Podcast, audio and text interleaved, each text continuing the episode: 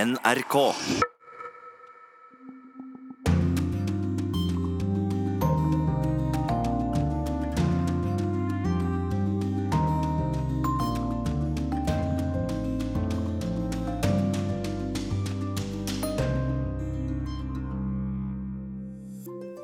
Orkanene herjer Karibia og truer Florida. Hør en oppdatering her i Urix på lørdag straks. Nord-Korea er ikke Kinas problem, sier kinesere vi har møtt på gata i Beijing, men de frykter radioaktiv lekkasje. Og denne damen får du også møte.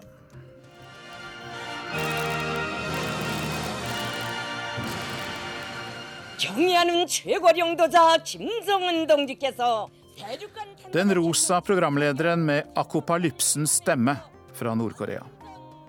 Putin åpner for første gang for fredsbevarende styrker øst i Ukraina. Vi skal høre om turistene Tyrkia trenger, men ikke vil ha. they are lazy and they ordering you know they are not polite they say we have money and we want this give me this this this they think they are the best country on the world because they have En biltur til Mombasa og en overraskende avgjørelse fra Kenyas høyesterett er deler av fortellingen i korrespondentbrevet fra Afrika. Geir Lundestad, den tidligere Nobel-direktøren, har skrevet ny bok. Er den like kontroversiell som den forrige? Men først til Karibia. Som vi hørte i Dagsnytt, er orkanen Irma igjen oppgradert til eh, den kraftigste kategori fem, og den har ført til store skader. Inger Marit Kostebråten, du har de siste informasjonene om orkanen. Ja, Orkanen har nå nådd regionen Camaguay på Cuba med kraftig regn og vindstyrke på rundt 250 km i timen. Mange skal ha mistet strømmen, og ifølge meldinger så er det stadig vanskeligere å holde kontakt med avsidesliggende områder. Men foreløpig er det ikke meldt om store skader, slik vi tidligere har hørt om eh, ble konsekvensene på flere øyer i Karibia som nærmest ble rasert. Og orkanen Irma nærmer seg Florida. Hvordan forbereder de seg der? USAs katastrofemyndighet har nå bedt 5,6 millioner mennesker om å forlate Florida før orkanen Irma når land, og det er over en fjerdedel av delstatens befolkning. Og advarslene fra myndighetene er klare. Denne orkanen vil drepe deg om du ikke kommer deg ut av veien for den, sier talsmann for det nasjonale orkansenteret. Mange har allerede reist nordover, og køene på utfartsveiene har vært enorme de siste dagene. Samtidig er det nesten tomt for mat og bensin flere steder, og folk har fortalt om at enkelte byer nå nærmest er spøkelsesbyer etter at store deler av befolkningen har dratt nordover. Og det er ventet at orkanen vil nå Florida i morgen tidlig lokal tid. Vi skal ikke glemme det kraftige jordskjelvet som rammet det sørlige Mexico heller. Hva vet du om virkningene av det? Ja, Det er jo det kraftigste jordskjelvet på 100 år i Mexico, og minst 61 mennesker er funnet omkommet. De fleste i de sørlige delstatene Oaxaca og Chiapas. Og president Enrique Peña Nieto har nå besøkt byen Yuchitan, som beskrives som et katastrofeområde av redningsmannskapene. Mange bygninger har rast sammen. Letemannskapene frykter at dødstallene skal stige, fordi mange trolig er fanget i ruinene i byen, som hovedsakelig har en indiansk befolkning. Og delstatene i sør er også noen av de fattigste i landet, så mange familier som har lite fra før, vil bli hardt rammet av eh, dette jordskjelvet. Og til slutt så kan jeg nevne at orkanen Katja, med store mengder regn, også har nådd østkysten av landet. Men orkanen hadde svekket seg til kategori 1 før den nådde Veracruz, som er en av Mexicos største havnebyer. Og det er foreløpig ikke meldt om store ødeleggelser der. Ingeborg Marit Kolstadbråten, takk skal du ha.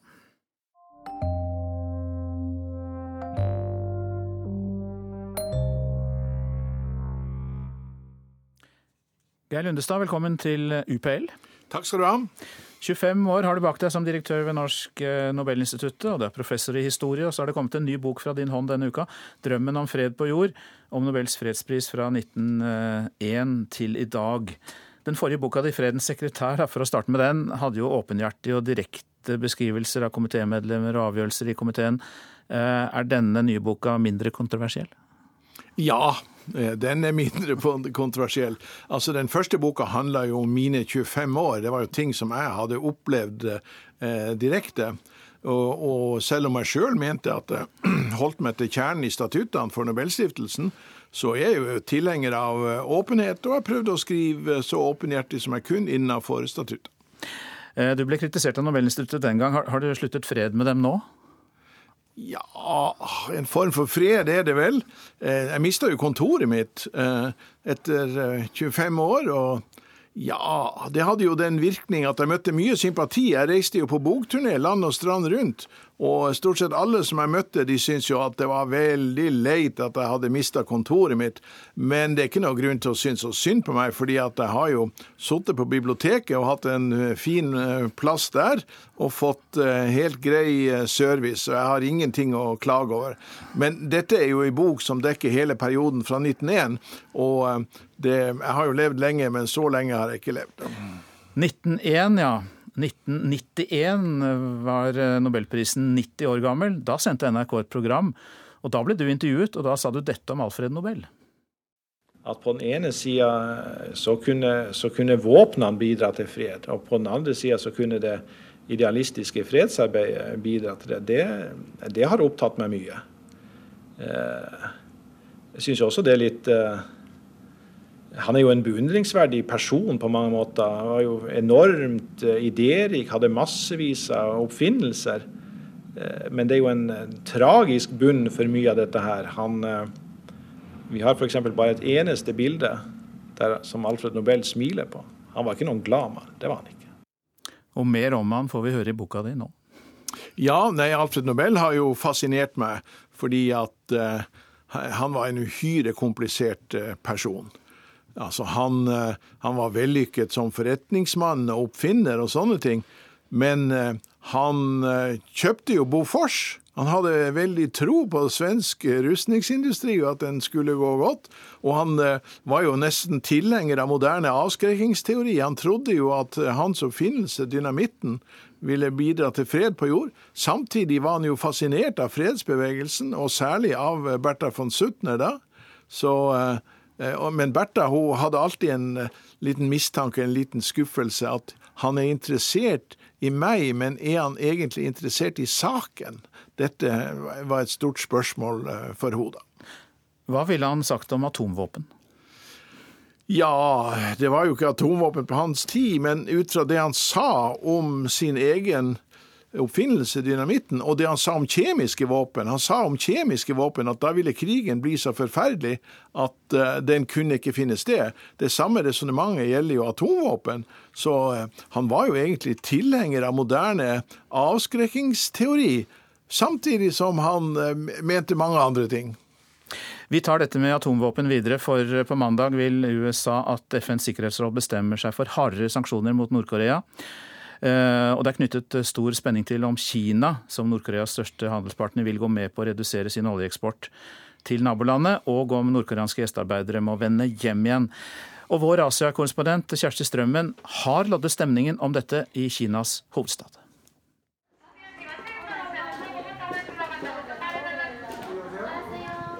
Ved inngangen til den nordkoreanske restauranten i Beijing står ei kvinne i flott gul kjole hun hilser velkommen med et stort smil.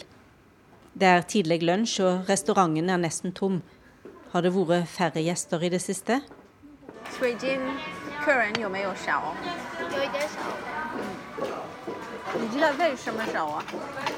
Ja, får vi vite. Men hvorfor? Nei, det får vi ikke svar på. Servitøren trekker seg høflig og brudd tilbake. Kina er Nord-Koreas største handelspartner. I disse dager er det store spørsmålet hvor mye Kina må strupe handelen med nabolandet for å demonstrere at Pyongyang har gått for langt med sine tester av atomvåpen og langdistanseraketter. Det er en vanskelig balansegang. USA krever større kinesisk innsats, men det er ikke sikkert det nytter. Og et enda mer panisk Nord-Korea er slett ikke i Kinas interesse. Vi spør kinesere på gata i Beijing.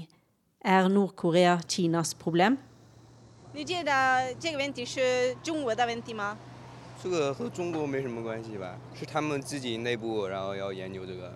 Nei, slett ikke, sier Ren. Svaret er også helt typisk. Han mener at en ikke skal legge seg opp i hvordan enkelte land løser sine problem. Kina vil ordne opp i sine egne sysaker uten innblanding fra andre, og de blander seg ikke opp i utfordringer andre land måtte ha. Pensjonisten Yuan mener det samme. Ingen land trenger å presse andre nasjoner.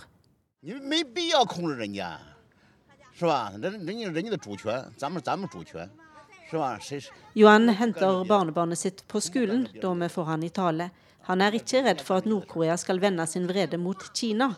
Kina frykter ikke noen, heller ikke USA. Hvorfor skal de da frykte Nord-Korea?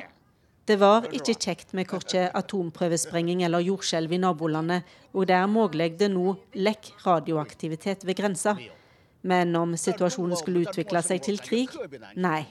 Ingen tør å krige med Kina. 80 år gamle Li Huiyi var bare ti år da Koreakrigen raste og kineserne kjempa sammen med koreanerne i nord.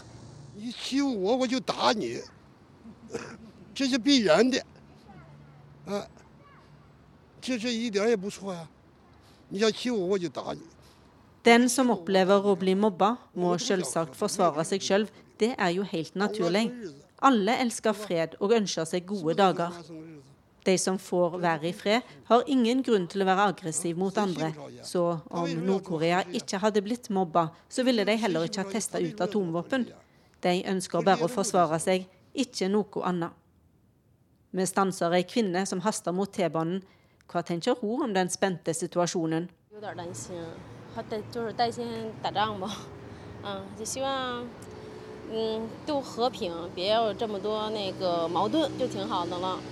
Jeg voner at alle parter vil roe seg ned, og at de senker konfliktnivået. Men om det skulle oppstå en situasjon som er farlig for Kina, er jeg ikke i tvil om at vårt land klarer å håndtere det godt, sier Joe. Vi spør om Kina bør høre på USA og stanse mer av handelen med Nord-Korea. Gao er oppdatert, men hopper lett over spørsmålet.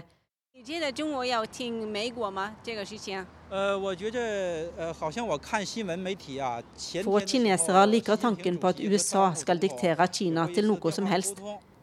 Mange tror at Nord-Korea hører på Kina, men det er ikke riktig.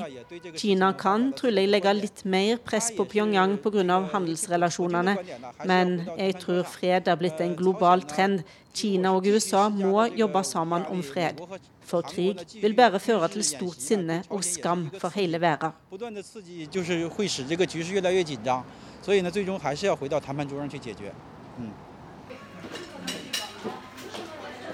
Tilbake på restauranten er det både hundekjøtt og kimchi på menyen. Vi velger det siste. Det elegante serveringspersonalet på høye hæler smiler, men kan vente spent på avgjørelsen i FNs tryggingsråd på mandag. Da kan det bli kutt i kinesisk oljeeksport til Nord-Korea, men også et forbud mot nordkoreansk arbeidskraft i utlandet. Fra vårt eh, team i Beijing, Kjersti Strømmen og Antonia Cimini. Ja, Geir Løndestad, hvordan skal verden håndtere Nord-Korea? Dette er jo det vanskeligste spørsmålet vi har på den internasjonale agendaen nå. Og det er ingen eh, åpenbar eh, løsning. Men dette med nordkoreanske handlinger og dramatisk amerikansk språkbruk, det er, har ført til en eh, veldig alvorlig situasjon.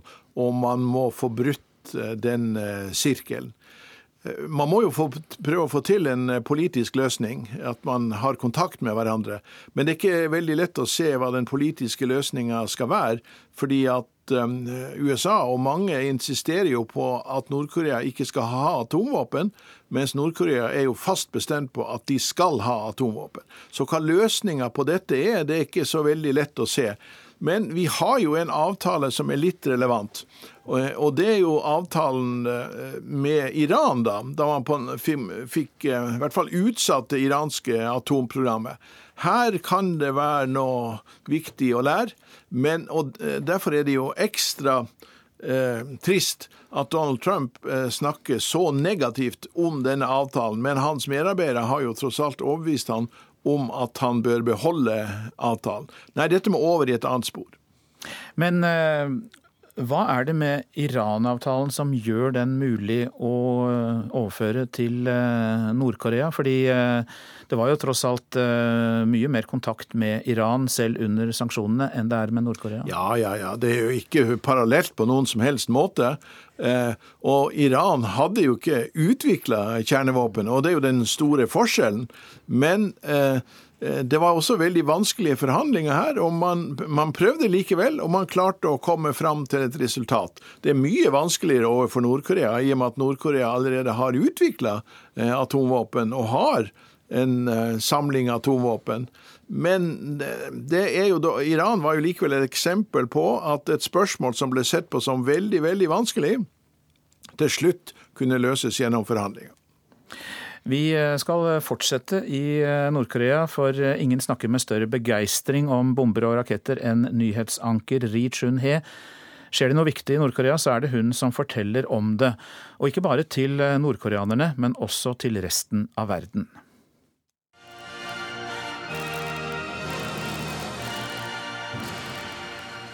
경의하는 최고령도자 김정은 동지께서 vår respekterte leder Kim Jong-un styrer arbeidet for kjernefysiske våpen på stedet.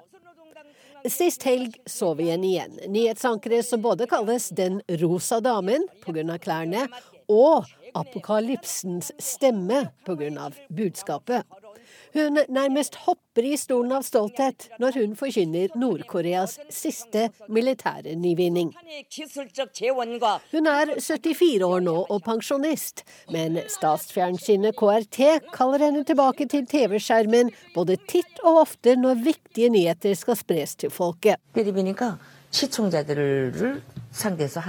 Når du leser nyhetene for TV-seerne, så bør du ikke skrike, men snakke mildt og vennlig, sa Ri Chun-hee i et sjeldent intervju med kinesisk fjernsyn for fem år siden. Hun kan det også. Her hører vi henne kunngjøre landsfaderen Kim Il-sungs død i 1994. Det var han som dyrket fram den tidligere skuespilleren, som først kunne høres på lufta i 1971. Hun avanserte raskt til hovedprogramleder på nordkoreanernes dagsrevy, og rapporterte hver kveld dagens offisielle propaganda fra Pyongyang.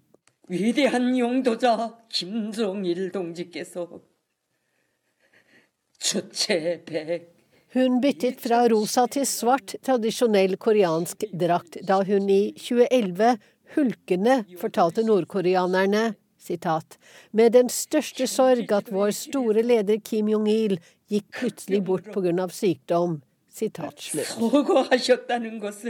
Ri Chun-his melodramatiske stil begeistrer nå tredje generasjon Kim. Og det er ingen liten bragd når vi vet at Kim Jong-un har kvittet seg med flere som hadde topposisjoner da hans far levde. Ri Chun-hee kan takke landsfader Kim Il-sung for sin popularitet, sier avhopperen An Chan-il til Reuters. Han talte gjennom henne, så når folk hører hennes stemme, føler de at hans ånd fortsatt lever. Det er ingen andre som har en stemme som fenger som hennes, sier han.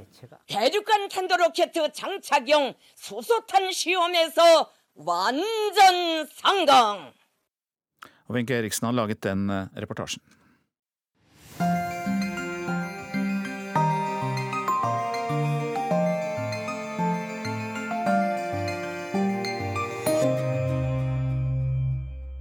De forteller om drap, voldtekt og mordbranner, rohingyaer på flukt fra Myanmar. Ifølge FN har mer enn 160 000 mennesker fra denne muslimske minoriteten flyktet til nabolandet Bangladesh i løpet av de siste to ukene. Og i Myanmar kan mer enn 1000 mennesker fra rohingyaene ha blitt drept de siste ukene, ifølge FNs spesialutsending.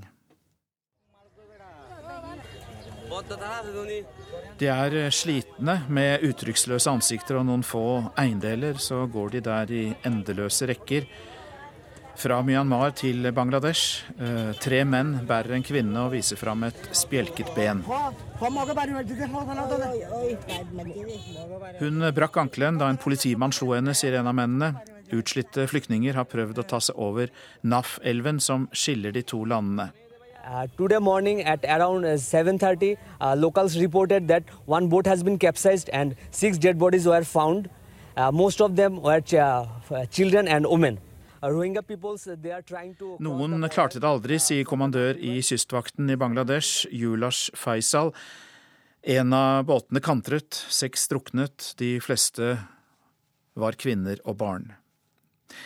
Denne flyktningstrømmen skyldes en omfattende militæroperasjon som ble iverksatt etter at en ytterliggående rohingya-gruppe angrep en rekke politiposter og drepte tolv politimenn 25. august. Aung San Suu Kyi har fått hard kritikk for ikke å ha tatt avstand fra regimets voldsbruk og overgrep mot rohingya-minoriteten. Fredsprisvinneren styrer i praksis landet gjennom sin posisjon som statsrådgiver etter valgseieren i 2015. Og nå forsvarer hun seg slik. We have to take care of our citizens. We have to take care of everybody who is in our country, whether or not they are our citizens. It is our duty, and we try our best. Uh, of course, our resources are not as uh,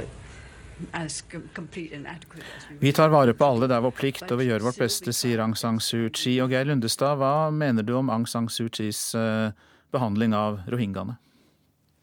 Vel, det er jo lett å forstå hvorfor hun handler som hun gjør. Eh, dels er hun jo en politiker som skal være populær, og rohingyaene er ekstremt eh, upopulære og er redd for at den buddhistiske befolkninga ikke vil ha noen sympati for dem. Det andre er vel forholdet til de militære. Er, selv om hun har mye makt, så er jo de militære fortsatt sterkt til stede. Men Personlig så syns jeg at hun burde ha talt eh, mye klarere i dette spørsmålet. Hun ser jo dette tilsynelatende som et eh, spørsmål om terrorisme, eh, men det er jo mye mer enn det. Hun burde ha strukket ut en hånd til rohingyaene for lenge siden og prøvd å, å, få dette spørsmålet inn i et helt annet spor. Men hun har jo gjort det helt klart at hun er ikke åpen for kritikk fra utlandet på dette punkt. Hun er en fredsprisvinner. Hun var en svært populær fredsprisvinner i sin tid. Noen har tatt til orde for at eh, Aung San Suu Kyi skal bli fratatt fredsprisen. Hva mener du om det? Det er jo et alternativ som ikke eksisterer. Det går ikke an. Eh, det står jo i statuttene at en pris er for alltid, så det er spilt mye å liksom eh, prøve å diskutere det, da. Så Eh, har jo, man har jo opplevd tilsvarende situasjoner at fredsprisvinnere etter at de har fått prisen, har gjort ting som man kanskje kunne være betenkt over. Aung San Suu Kyi var en veldig populær prisvinner. Hun hadde jo en sterk internasjonal posisjon på 90-tallet og fortjente så ganske utvilsomt den prisen hun fikk. Men dette er atter et eksempel på at Nobelkomiteen har ingen innflytelse på hva prisvinnerne gjør etter at de har fått prisen.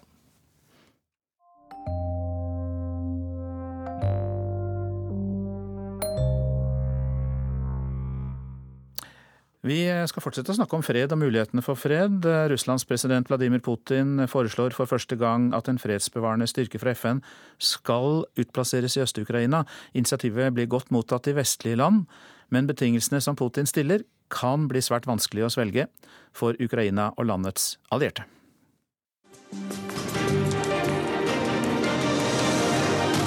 За изъятую дипсобственность в США Россия будет судиться. Дам поручение МИДу обратиться в суд. Посмотрим. Den statlige russiske TV-stasjonen RTR har som hovedoppgave å gjengi hvert eneste ord som kommer fra president Vladimir Putins munn. Og under en pressekonferanse i forbindelse med BRICS-landenes møte i Kina denne uka, kom det en ganske overraskende uttalelse fra presidenten. даже, можно сказать, не миротворцев, а тех людей, которые обеспечивают безопасность Eh, Fredsbevarende styrker fra FN kan være nyttige når det gjelder å løse konflikten i Øst-Ukraina, sa president Putin. Dette er noe Russland har avvist tidligere når Ukraina har gått inn for det. Og som om ikke det skulle være nok, den russiske lederen kunne også fortelle at russerne allerede har sendt et forslag til et vedtak til medlemmene av FNs sikkerhetsråd. Men så var det det som står med liten skrift, da.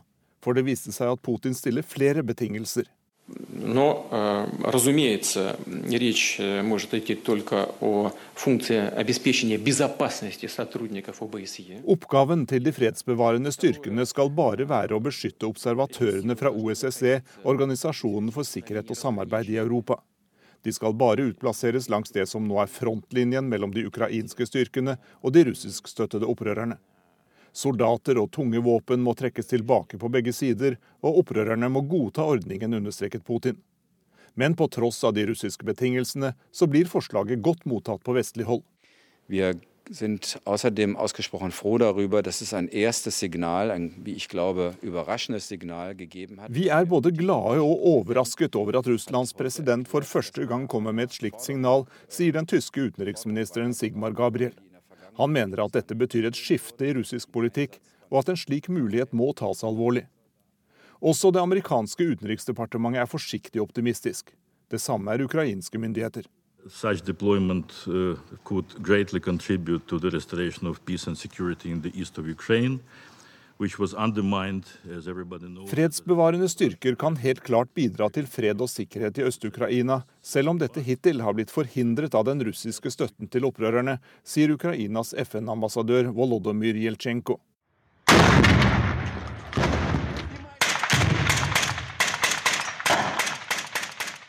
Den siste tiden har det stadig vekk vært skyting i Øst-Ukraina. Våpenhvilen fra 2015 blir ofte brutt. Om lag 10 000 mennesker har mistet livet hittil i denne konflikten. Det som kan komme til å torpedere forslaget om fredsbevarende styrker, er uenighet om hvor de skal plasseres.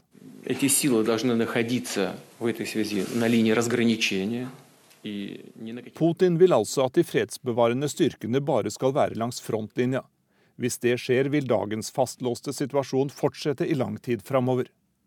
Ukraina støttes av vestlige land i kravet om at de fredsbevarende styrkene skal utplasseres i hele Øst-Ukraina, helt fram til grensa mot Russland.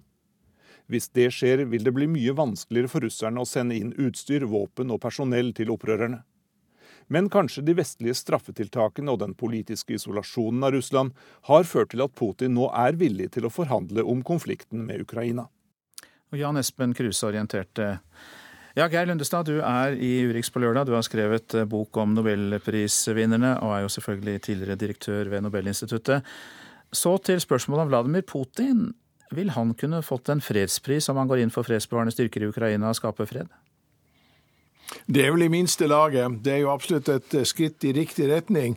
Men eh, bakgrunnen er jo dessverre altfor klare. Det var jo den russiske innmarsjen på Krim og eh, også i eh, Øst-Ukraina. Så den grunnleggende situasjonen eh, må jo løses da. Men det er klart, dette er et, et dilemma hvis en som har gjort noe veldig galt, plutselig begynner å oppføre seg litt bedre.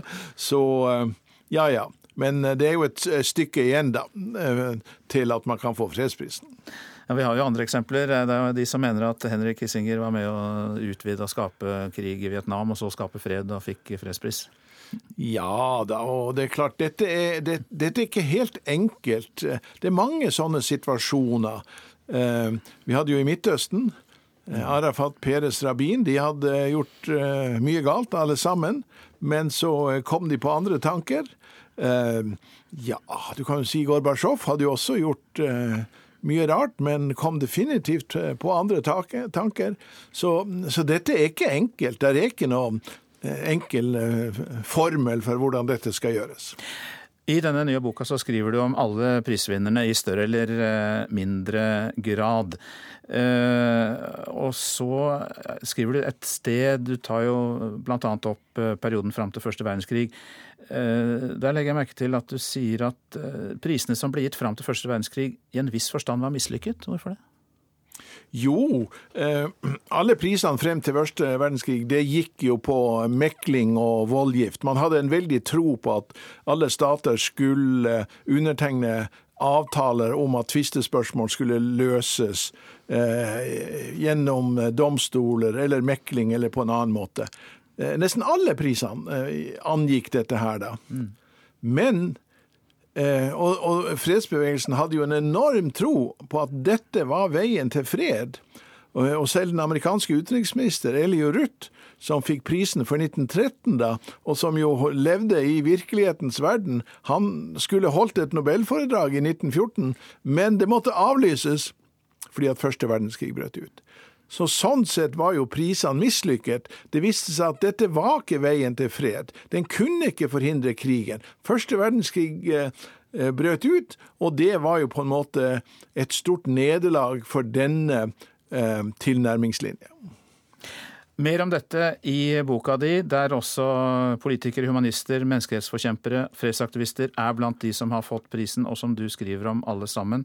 Hjertelig takk for at du kom, Geir Lundestad, tidligere direktør for Nobelinstituttet, og nå ute med ny bok, eh, altså. Vi skal videre til russisk landbruk som lå i ruiner for få år siden. Nå takker eh, russiske bønder den spente internasjonale situasjonen for optimisme. Altså, de takker sanksjoner og motsanksjoner. For det har ført til en ny gullalder i russisk landbruk. En av dem som står midt oppi det, er en tysker, med bakgrunn fra det som het Norges landbrukshøgskole på Ås. Nå har vi 900 tonn melk per dag. Jeg tror i fem år skal vi ha kanskje 3000 tonn melk per dag. Neste store han er ikke beskjeden, 53 år gamle Stefan Dyr, i dag sjef for Ekoniva, som i 2017 overtok som Russlands største melkeprodusent. Tyskeren, opprinnelig fra delstaten Baden-Würtemberg, kom til Russland allerede i 1989. Nesten rett fra ett år på det som en gang het Norges landbrukshøgskole i Ås. Nå står han i spissen for det mange kaller en revolusjon i russisk landbruk. Etter å ha ligget nesten i ruiner etter Sovjetunionen og kollektivbrukenes sammenbrudd på begynnelsen av 1990-tallet, øker nå produksjonen og videreforedlingen med rekordfart. Det har blitt en veldig positiv stemning eh, rundt landbruket i de siste årene. Og det, det føles også når du sitter med venner i Moskva f.eks. Så før det var med sanksjoner, det var så ja, så, vet du, jeg er med olje, jeg er med olje og en andre der med tekstil eller IT. Eh, og landbruket er litt sånn, eh, sånn ikke så, så, kjempebra. Og nå er det sånn Oi, du har med landbruk, og det er bra for landbruk. Ja, da må du fortelle mer. Og det er dimensjoner over noe av det Stefan Dyr driver med. Det kan jeg se med egne øyne når jeg står og ser ned på den karusellignende melkemaskinen i Eko Nivas nye anlegg i Vertni i Karetsk i Varones fylke sør i Russland. Her har en løpet av tre år bygget opp et gigantisk anlegg. Det er ikke mulig å bruke det norske ordet fjøs når det er 2800 dyr som er inne i de tre halene her. Og selv om planene var klare lenge før Russland innførte importforbud av matvarer fra EU og Norge i 2014, som et svar på sanksjonene mot Russland etter invaderingen av den ukrainske Krimhalvøya, så er det ikke tvil om at dette har vært en god drahjelp for dem som nå satser i russisk landbruk, sier Aleksandr Vasyrkin, sjefsingeniør hos Ekoniva i Vertni i Karets. Ну, я думаю, что да, отчасти как бы это помогло, то есть именно сконсолидироваться и Dette har gjort at vi nå kan drive vår produksjon på samme måte som i Amerika og USA, sier Aleksandr Vasyrin, som viser NRK rundt i de tre gigantiske hallene, hvor kuene faktisk har plass til å gå fritt rundt, og med åpne vegger ut på slettelandet med den gode og svarte jorden, som igjen er grunnlaget for fôret som brukes her. 60 tonn går det unna i døgnet. Vi har planer om å åpne to lignende anlegg som dette bare her i Varonis fylke, sier Aleksandr Vasyrkin, som sier at selv om det har vært en del skepsis og motstand blant lokalbefolkningen, så er mange glad for at det nå skjer noe, og ikke minst at Ekoniva igjen gjør det attraktivt å jobbe i russisk landbruk. Ну, потому что мне это очень интересно. En av de unge som nå satser på landbruket, er Angelina Toplina, som holder på å vaske to kyr som skal være med i en lokal konkurranse. Hun kommer selv fra en familie med bønder og studerer for å bli agronom. Akkurat nå har hun praksis på Ekoniva. Og dette er en av de mest positive følgene av det som nå skjer i russisk landbruk, mener Stefan Dyr. Eh, ungdom vil jobbe i landbruket. Det har blitt mye enklere å få unge folk eh, tilbake til landbruket. Også kjempe, kjempe eh, gode og intelligente folk kommer nå inn til landbruket. Og jeg føler det også med egne barn. før var det mer sånn litt Nei, pappa, det er bra at du land, gjør landbruk, men vi skal ikke gjøre det. Nå er de alle tilbake til landbruket. Nå prøver dere jo å ta tilbake det russiske markedet, at det er det som er viktig for dere. Men ser du perspektiver at russisk landbruk også kan bli en eksportnæring for Russland fremover, eller hva tror du? Så, så først og fremst, jeg, jeg syns at alle de sanksjonene det er jo tull, faktisk. Ja. Og jeg veldig mye håper at uh, tidligere senere de uh, går forbi fra begge sider. Uh, både fra EU og fra russisk side. Og så skal vi ha sånn mer eller mindre åpne marked. Det er sikkert at russisk landbruk er konkurransedyktig på verdensmarked. Det ses jo allerede nå med nummer én i, verden med eksport i hvete. Det begynner nå eksport eh, med kylling og eh, svin. Eh, det blir ikke eksport så snart med melk. Men ja, jeg ser at Russland kommer på verdensmarkedet med sine produkter. Og blir, jeg tror det blir først og fremst det asiatiske markeder. Det er våre markeder i, i fremtiden. Ja, det er de asiatiske markedene først og fremst for russisk landbruk, sa Stefan Dyrr, leder for Econova, som altså er den største melkeprodusenten i Russland. Og det var Morten Jentoft som besøkte Econovas anlegg i Voronezh i sør i Russland. Nå spør vi hva Donald Trump, Monica Lewinsky og Haile Selassie Selassie har til felles. De har nemlig alle overnattet i det slovenske ferieparadiset Bled. Denne uka ble den årlige strategiske konferansen for Balkan arrangert nettopp der, og kollega Roger Severin Bruland deltok. Han møtte Bleds borgermester, som kunne fortelle at Slovenia har vært arena for internasjonale intriger siden Napoleons tid. As we said also in the opening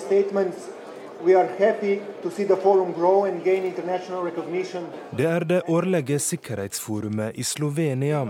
Utenriksministrene fra det tidligere Jugoslavia er samla for dialog. Og EUs utenrikssjef Federica Mogherini kommer med sine årlige forsikringer om at de som ennå ikke har blitt det, vil bli EU-medlem. Stick to the rules, implement the decisions taken. Feriebyen Bledd er nok for nordmenn mest kjent som staden der skiskytterbrødrene Bø tappa luft ut av bildekka til Ole Einar Bjørndalen. Men det er på ingen måte det mest skandaløse som har skjedd her, forsikrer borgermeister Janes Faifar. Some prostitutes, not many. We had some gay people, and because it's a part of the business of the circus. You need everybody. And vi hadde både bordell og homofile lenge før noen andre i Jugoslavia. Det er en del av sirkuset. Når jeg møter borgermeisteren på kontoret sitt, sitter han i en dyp samtale med en ungarsk universitetsdirektør. Så kommer atlaset på bordet, og begge mimrer om fordums tider da både Ungarn og Slovenia tilhører det samme imperium in spite of all languages and different cultures, it was one world of values, basically. Vi snakker ulike språk i det austro-ungarske imperiet, men deler fremdeles de samme verdiene, forsikrer de begge.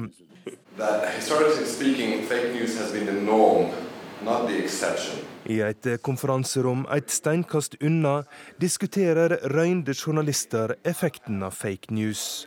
På veggen utenfor henger et bilde av Donald Trump og hans slovenske kone Melania fra et besøk i 2004. Et av mange paradoks i Bledd. Have you ever met them? No, no, I didn't. I met, I met Monica Lewinsky and such people. That was better. Møtte du noensinne Donald Trump, spør jeg. Nei, svarer borgermeisteren, men jeg møtte noen mye bedre.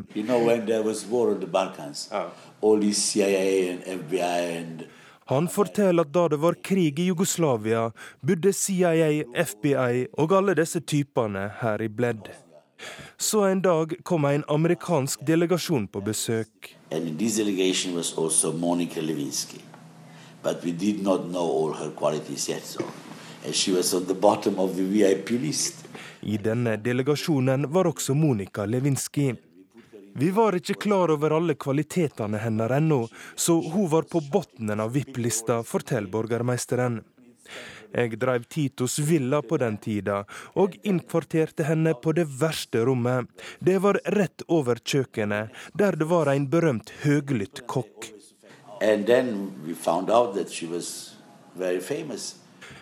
Du kan tro jeg fikk sjokk da jeg oppdaga at hun var veldig berømt, og at hun skulle blitt oppgradert til et mye bedre rom.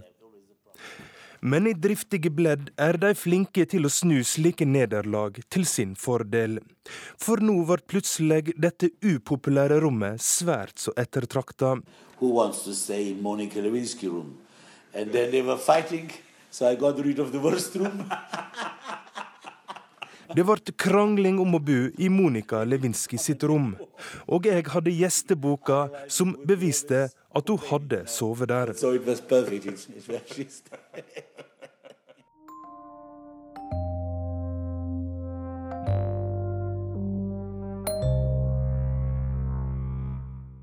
Og vi tar veien enda lenger sørøstover enn Balkan, nemlig til Tyrkia. Der har strømmen av vestlige turister minket kraftig, og eh, arabiske turister har isteden kommet i større grad.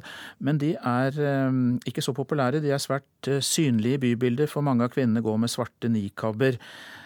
Eh, men selv om eh, de arabiske turistene er upopulære, så er de absolutt nødvendige for den tyrkiske turistøkonomien. they are lazy and they ordering you know they are not polite.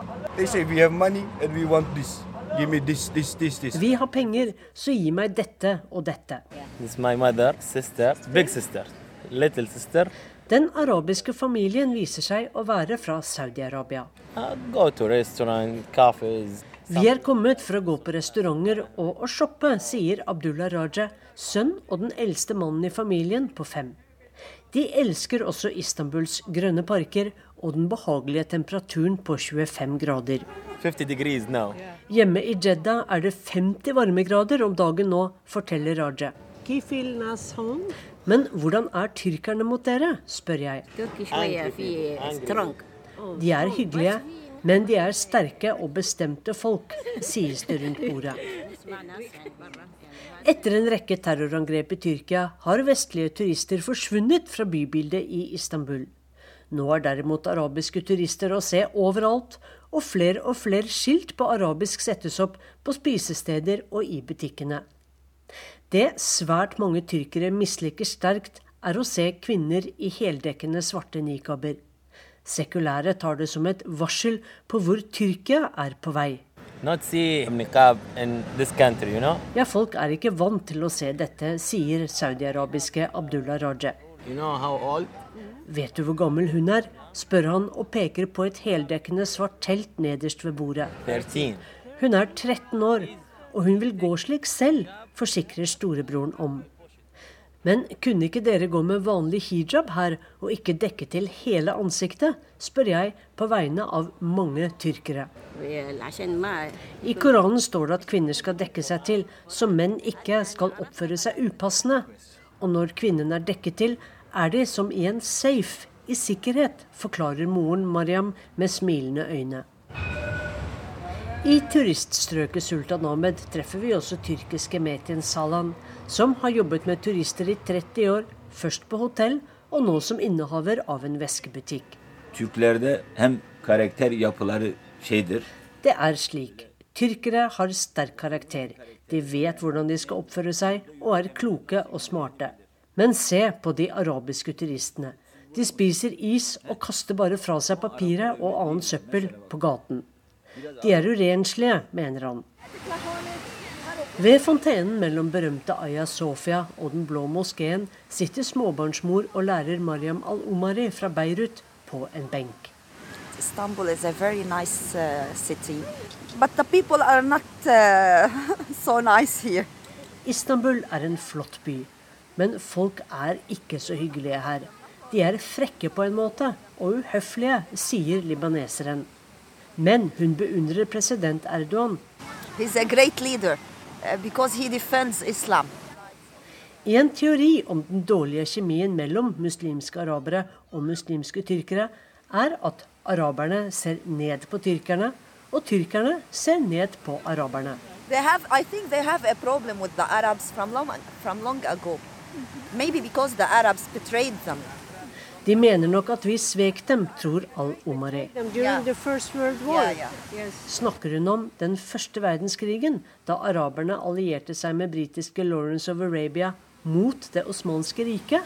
Yeah, yeah. It's their right. And if I was in their place, I would do the same. Og om jeg var i tyrkernes sted, ville jeg også vært sint for det, svarer turisten fra Beirut. They think they are the best country on the world because they have money.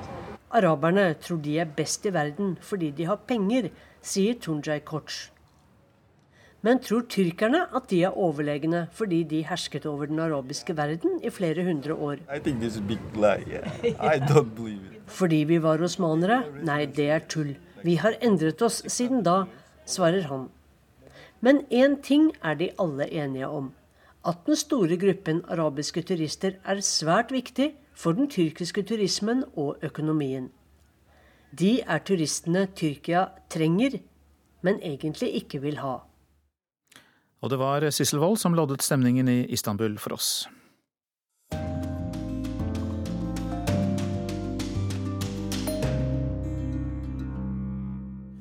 Korrespondentbrevet i Urix på lørdag i dag er fra Afrika. En biltur til Mombasa og en overraskende avgjørelse fra Kenyas høyesterett. Det er viktige deler av fortellingen til Kristine Presttun. Hvor var du da Kenya brakk staven? Selv satt jeg baksetet på en drosje og halvsov. Fra de åpne vinduene kom et streif av salt sjø fra Det indiske hav, og en gjennomtrekk som ga meg en stemme som en dansk krovertinne kunne vært stolt av. Fra markedene summet av glad barnelatter og pruting over kokosnøtter og maismel. Luften var varm og fuktig, den blå linkjolen klistret seg til skinnsetet. Jeg nøt feriefølelsen og var glad for at jeg skulle gjøre min borgerplikt. I dag var siste frist for å forhåndsstemme for oss som bor utenfor kongeriket Norge. Den norske konsulen i havnebyen Mombasa ventet oss. Mobilen til sjåføren Ahmed vekket meg brått. Jeg åpnet øynene, stusset over at han snakket i telefon mens han kjørte, kjente at jeg ble irritert, og tenkte jeg skulle si fra, slik jeg alltid gjør når taxisjåfører snakker i telefonen uten handsfree. Men det rakk jeg aldri, for da Ahmed slo av, så var det han hadde å fortelle så oppsiktsvekkende at alt annet med ett var glemt. Høyesterett har forkastet valgresultatet. Vi må ha nytt presidentvalg i Kenya, sa Ahmed. Jeg spurte vantro om han spøkte. Det gjorde han ikke. Valgtrilleren i Norge blekner mot valggrøsseren i Kenya. Se for deg at den lange valgkampen i Norge hadde vært til ingen nytte. At du sto i kø mandag morgen i kaldt høstvær for å avgi stemme, bare for å få vite at stemmen ikke gjaldt likevel. At den som blir kåret til ny statsminister, må si fra seg jobben eller bare fungere midlertidig. At en snau milliard kroner til gjennomføringen av valget var kastet bort, og at alt må starte på nytt. To nye måneder med TV-debatter, terningkast, appeller, personangrep og meningsmålinger. Dette er situasjonen i Kenya nå. Og for å si det sånn, at min ferie brått tok slutt, var min minste bekymring. Fire modige dommere skapte historie den fredagen. De erklærte presidentvalget som ble holdt 8. august for ugyldig. Den sittende presidenten, Uhuru Kenyatta, var likevel ikke valgt for en ny periode. Kenya må holde nyvalg i oktober. Avgjørelsen var et politisk jordskjelv, en sensasjon, et sjokk. Sjelden har det vært så greit å bruke så store ord som det observatører over hele kontinentet brukte. Dommen er historisk. Det er første gang i Afrika at en domstol annullerer et valg. En domstol som går mot sin president, det skjer ikke ofte. Så dommen er ikke bare en seier for opposisjonslederen Raila Odinga, men en seier for demokratiet i Kenya. Det er ikke rart at folk ble overrasket og for alltid vil huske hvor de var når de fikk nyheten. Valgobservatører med den amerikanske senatoren John Kerry i spissen hadde bedt Raila Odinga om å akseptere nederlaget. Jeg tipper at Kerry satt med en flau smak i munnen denne fredagen. Det internasjonale samfunnet har brukt rundt 700 millioner kroner på valget. Kanskje det var derfor det var fristende å gi resultatet grønt lys? Eller kanskje ønsket om fred var sterkere enn ønsket om rettferdighet? Men dommerne tok ikke slike hensyn. De sa rett ut at det var for mange feil i overføringen av valgresultatene fra de over 40 000 stemmelokalene. Varselklokkene ringte allerede rett før valget, da sjefen for det elektroniske valgsystemet ble funnet torturert og drept. Ryktene gikk om at fingertuppene hans var fjernet for å få adgang til datasystemene. Men få trodde likevel at Høyesterett ville våge å utfordre president Uhuru Kenyatta, lederen for landets største befolkningsgruppe og frontfiguren for Kenyatta-dynastiet, Kenyas rikeste og mektigste familie.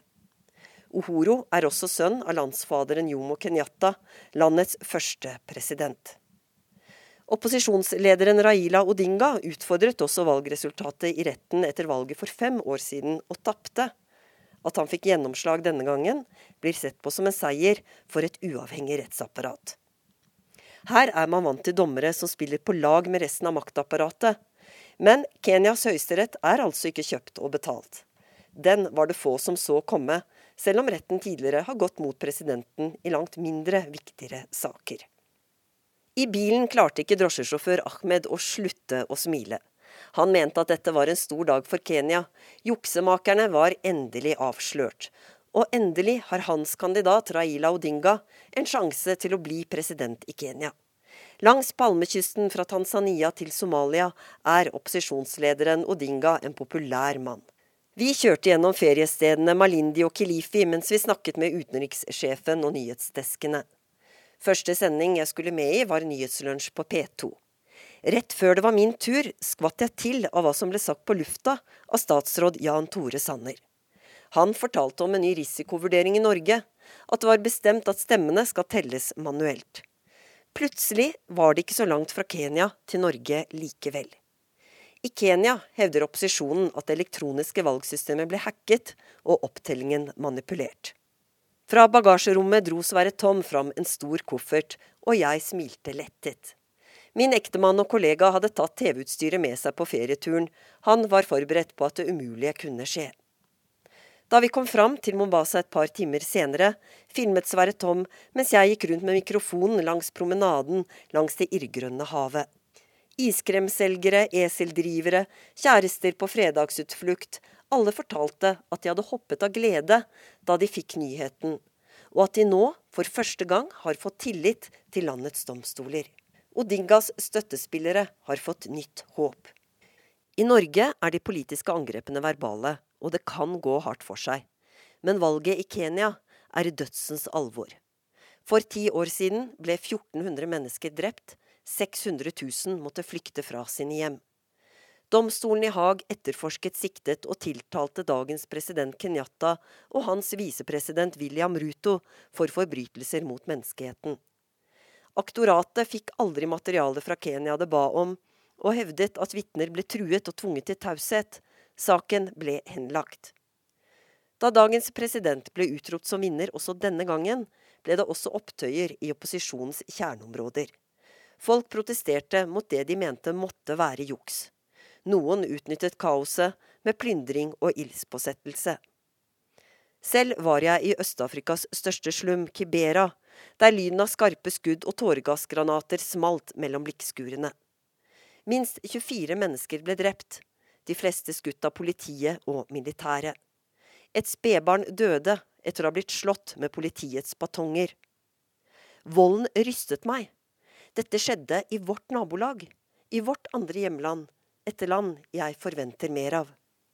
At valget i Norge er langt mindre dramatisk, er en velsignelse. Det er flere grunner til forskjellen, hvorfor det er så mye som står på spill, hvorfor valg kan føre til vold, også mellom etniske grupper. Her snakkes det ikke om en høyre- og en venstreside i politikken, om kapitalister og sosialister. Det er få ideologiske forskjeller mellom partiene. Jeg prøvde å forklare en venn av meg i Nairobi hvordan det fungerer i Norge, at vi stemmer ut fra ideologi og interesser, det syntes han var rart og interessant. For her stemmer folk ut fra etnisitet, eller som de sier selv, ut fra hvilken stamme de tilhører. Så selv om det kan være politisk ukorrekt å snakke om stammetilhørighet i Kenya, er det likevel fortsatt slik at folk definerer seg ut fra om de tilhører Kikuyu, Luya, Kalenjin, Luo, Kamba, Masai, Samburu eller andre folkegrupper og partiene følger stammene. Det betyr at de som sitter med makten, er ute etter å tilfredsstille sine egne folkegrupper. Slik var det under kolonitiden, da de hvite britene stakk av med godene, og etter uavhengigheten på 60-tallet har den politiske eliten i Kenya dyrket og utviklet denne skjevheten. Vinneren tar alt. statens rikdommer, statlige arbeidsplasser, blir den privilegerte kulturbæreren, osv. I Norge kan det bli debatt hvis en statsråd bevilger ekstra penger til en bro til sin hjemkommune. Men her er dette normen. Det forventes at de som vinner valget, skal sørge for sine egne. Forfatteren og journalisten Michaela Wrong beskriver denne mentaliteten i boka 'It's Our Turn to Eat'. Og nå mener folkegruppene som støtter opposisjonen, at det er deres tur til å få mat på bordet, nyte godt av det staten kan tilby. Raila Odinga har tapt flere valg. Nå er han 72 år, og dette er hans siste sjanse. Etter filmingen i Mombasa fant vi fram til kontoret til Norges konsul. Vi var de eneste besøkende denne dagen. Konsul Omar Bajaber tok oss imot iført kaftan og bønnelue med et varmt håndtrykk og et bredt smil. Han fortalte at han har jobbet for rederiet Wilhelmsen i en årrekke, og at han angrer på at han ikke tok imot tilbudet om norskkurs. Nå småpratet han mens vi fylte ut stemmesedlene, og med en viss følelse av høytid forseglet konvoluttene. Våre stemmer i det norske stortingsvalget er på vei til Norge, mens Kenya er preget av usikkerhet rundt sitt nye valg. Godt valg av dere. Og teamet bak Urix på lørdag var teknisk ansvarlig Lisbeth Sellereite, produsent Ingvild Ryssdal og programleder Øystein Heggen.